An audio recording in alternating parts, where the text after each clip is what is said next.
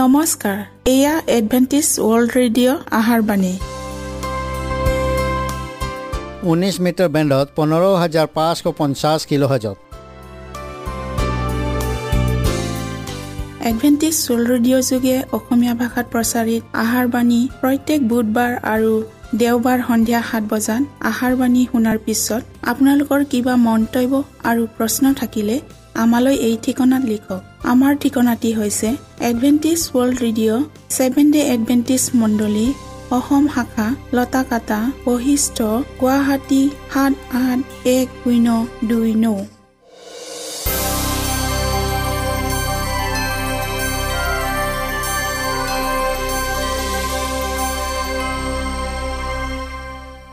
প্ৰিয় শ্ৰোতা বন্ধুসকল এতিয়া শুনো আহক এটি খ্ৰীষ্টীয় ধৰ্মীয় গীত।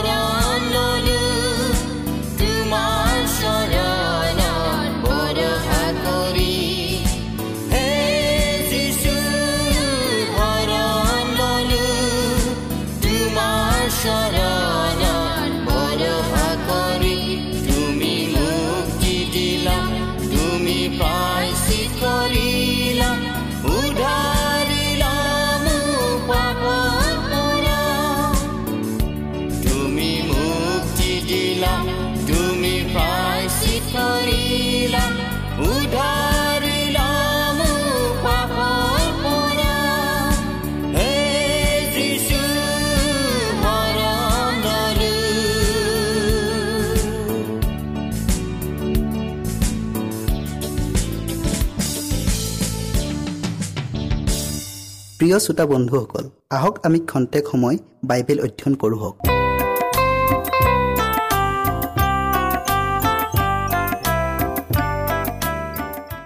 আজিৰ বিষয় হৈছে মোৰ সুস্থ বিবেকৰ বিপৰীতে। বাইবেলৰ প্ৰথম পুস্তকখনৰ তিনি অধ্যায়ে মানুহৰ এটা চূড়ান্ত সিদ্ধান্তৰ কেন্দ্ৰীভূত কৰে। এই অধ্যায়ৰ ছয়পদটোলৈকে মন কৰক। ইয়াতে কৈছে তেতিয়া নাৰীয়ে সেই গছৰ ফল খাবলৈ ভাল চকুৰ লোভজনক আৰু জ্ঞান দিয়াৰ কথাটো মনোমোহা যেন দেখি তাক ছিঙি খালে। আৰু লগত থকা তেওঁৰ গিৰিয়েককো দিলে। তাতে তেওঁ খালে। আদম মানৱ জাতিৰ আদি পিতৃ হৈও সতৰ্কৰ বিপৰীতে কাৰ্য কৰিলে। আদমক তেওঁৰ তিৰোতাৰ সৈতে ফুচলোৱা হলনে? তাৰ বাবে উপলব্ধি কৰিছিলনে যে তেওঁ কি মৰাত্মক ভুল কৰিছে? নে তেওঁৰ তিৰোতা হাৱাৰ অনুৰোধ এৰাব নোৱাৰি ফলটো তেওঁৰ সিদ্ধান্তৰ বিপৰীতে খালে। বাইবেলৰ প্ৰথমখন পুস্তকত পাওঁ যে ঈশ্বৰে মানুহক ধুনীয়া এডেনবাৰীত নি থলে আৰু প্ৰথম মানৱ আদমক অত্যাৱশ্যক আৰু জীৱনদায়ক নিৰ্দেশ দি কলে। তুমি বাৰীৰ সকলো বৃক্ষৰ ফল স্বচ্ছন্দে খাব পাৰা। কিন্তু ভাল বেয়া জ্ঞান দিওঁতা বৃক্ষৰ ফল হলে নেখাবা। কিয়নো যিদিনা তাক খাবা সেইদিনাই অৱশ্যে তুমি মৰিবা। এইখিনিতে আমি মন কৰোঁ হওক। হাৱাক সৃষ্টি কৰাৰ পূৰ্বেই ঈশ্বৰে আদমক এই গুৰুত্বপূৰ্ণ সতৰ্কবাণী শুনাইছিল। এই বৰ্ণনামূলক কথাই বলিষ্ঠভাৱে দেখুৱাই যে আদমেহে হাৱাক এই সতৰ্কবাণী অৱগত কৰাইছিল। এটা দুষ্ট আত্মা যি চৈতান নামেৰে বিখ্যাত।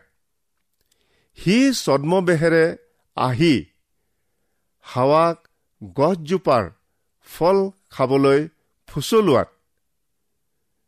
তাই যি উত্তৰ দিলে তাৰ পৰাই জনা যায় যে আদমে নিশ্চয় গুৰুত্ব সহকাৰে ঈশ্বৰৰ সতৰ্কবাণী নিজৰ তিৰোতাজনীক শুনোৱাইছিল।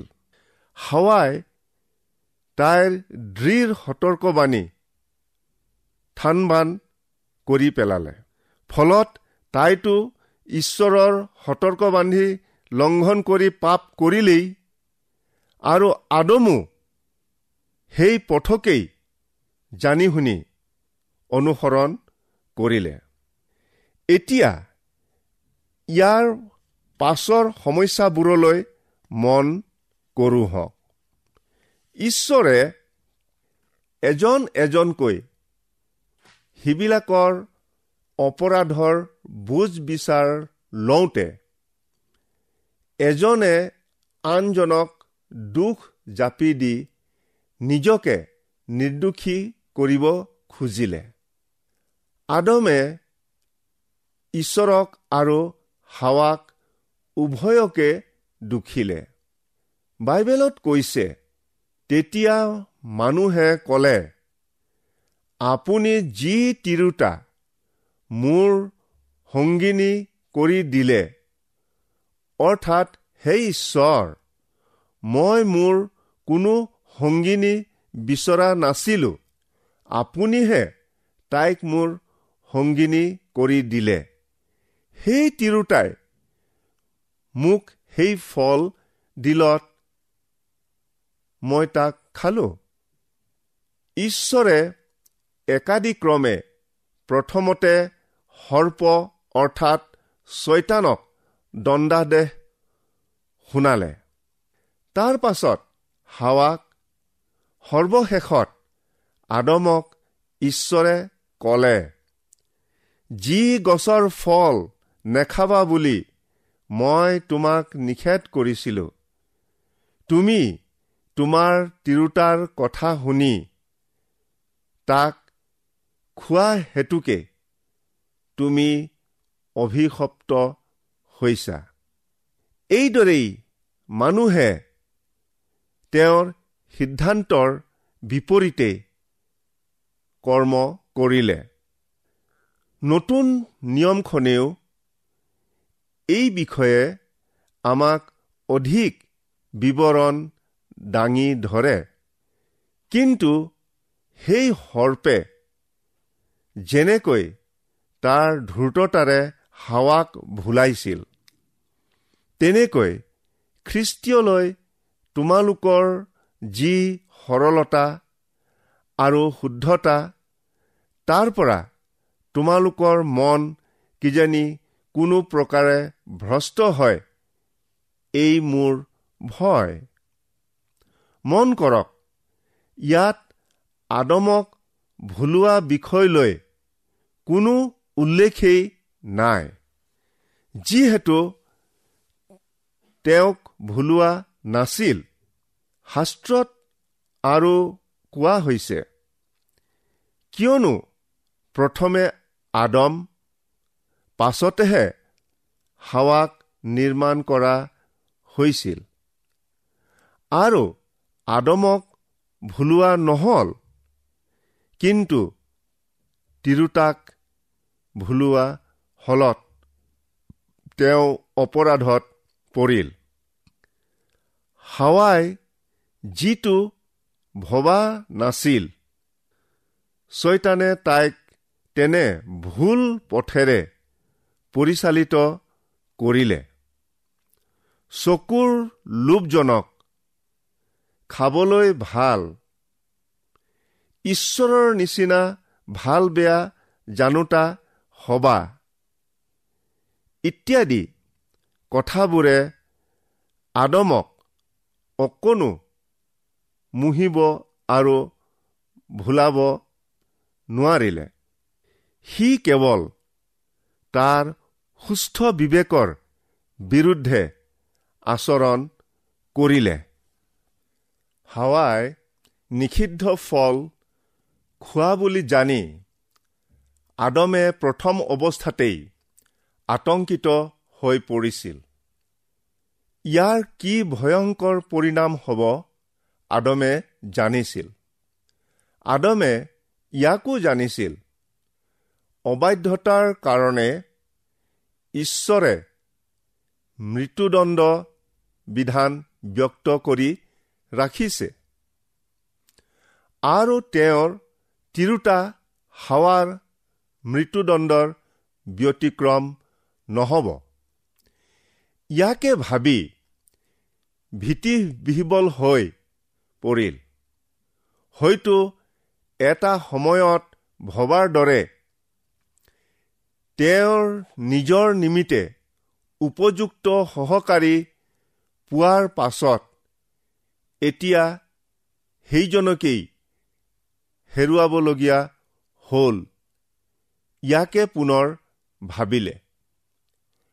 এইবোৰ ভাৱনা চিন্তাই তেওঁৰ মনৰ বিশৃংখলৰ সৃষ্টি কৰাত দুমোজাত পৰি তেওঁ নিজ তিৰোতাৰ পথকেই অনুসৰণ কৰিব নে ঈশ্বৰৰ পথ অনুসৰণ কৰিব?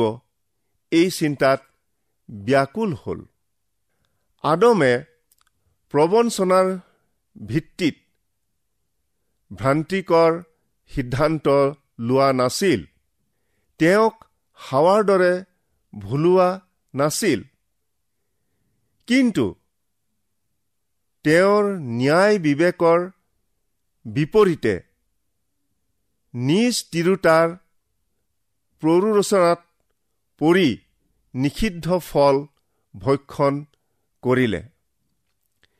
ইয়াতেই নিজৰ তিৰোতাজনীক আদমে প্ৰথম স্থান দিলে আৰু ঈশ্বৰক দ্বিতীয় স্থান দিলে। এয়া কেনে শ্লেষপূৰ্ণ অতি গুৰুত্ব সিদ্ধান্ত মানৱ ইতিহাসত সংঘটিত হ'ল। আদমৰ পাপে জগতখনক বিচ্ছিন্ন কৰি প্ৰকাশ পোৱা আটাইবোৰ স্বৰ্গীয় বৰৰ পৰা বঞ্চিত কৰিলে। শাস্ত্ৰত কৈছে সকলোৱেই পাপ কৰিলে আৰু ঈশ্বৰৰ মহিমাৰ পৰা বঞ্চিত হৈছে। কিয়নো পাপৰ বেজ মৃত্যু। তথাপি যিবিলাকে আদমৰ আজ্ঞালংঘনৰ দৰে পাপ কৰা নাই আদমৰ পৰা মুচিলৈকে তেওঁবিলাকৰ ওপৰতো মৃত্যুৱে ৰাজত্ব কৰিছিল। আদমৰ পাপে মানৱ ইতিহাস কলংকিত কৰিলে। এতিয়া আমি নতুন নিয়মৰ পিলাতৰ ন্যায় বিবেকৰ বিপৰীতে কৰা কাৰ্যলৈ চিন্তা কৰি চাওঁ হওক নাচৰতীয়া যীশু যে নিৰ্দোষী পিলাতে এই সত্য কথা জানিও তেওঁ নিজৰ ন্যায় বিবেকৰ বিপৰীতে কাৰ্য কৰিলে।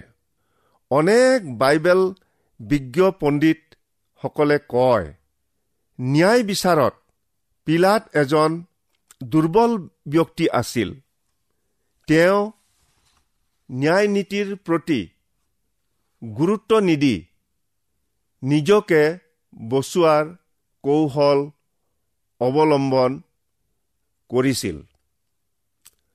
শাস্ত্ৰত যীশুৰ এজন শিষ্যই কৈছে যি যীশুক তোমালোকে শত্ৰুৰ হাতত সোধাই দিলা আৰু পিলাতে এৰি দিবলৈ থিৰ কৰিলতো তেওঁৰ আগত অস্বীকাৰ কৰিলা আৰু জীৱনৰ অধিকাৰীকে বধ কৰিলা হওক তাৰ সাক্ষী আমি আছো। ধৰ্মীয় নেতা আৰু প্ৰধান পুৰোহিতবিলাকে অনেক কাল্পনিক আৰু অযুক্তিকৰ অভিযোগেৰে দোষী সাব্যস্ত কৰিলেও বিদেশী শাসন প্ৰণালীত অভিজ্ঞ পিলাতে যীশুৰ বিৰুদ্ধে অনা মনে সজা অভিযোগবোৰৰ এটাকো বিশ্বাস নকৰিলে।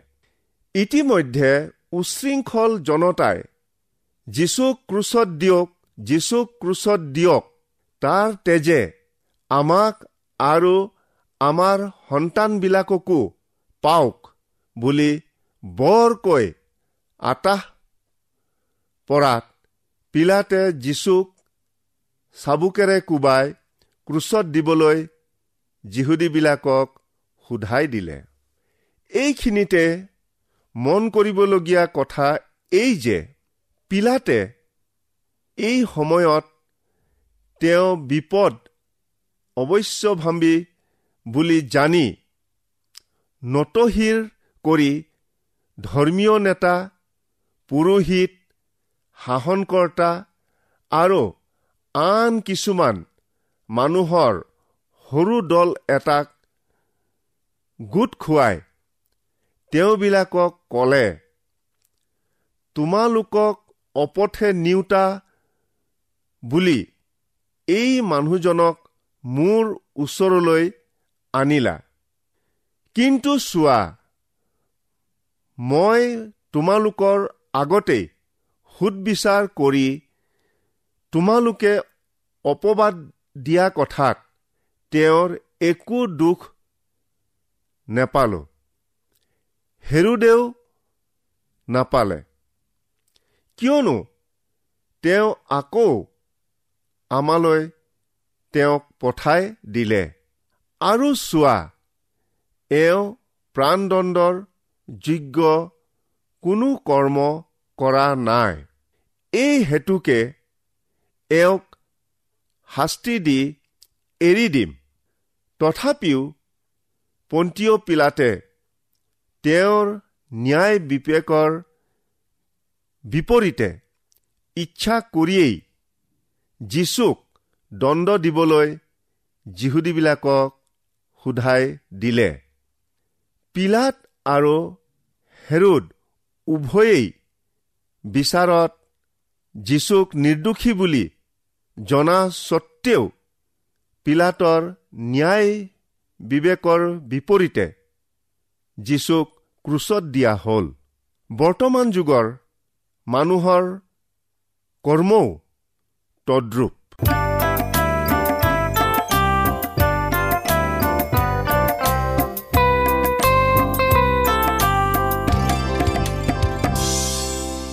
ইমানপৰে আমি বাইবেল অধ্যয়ন কৰিলোঁ। এতিয়া আকৌ শুনো আহক এটি খ্ৰীষ্টীয় ধৰ্মীয় গীত।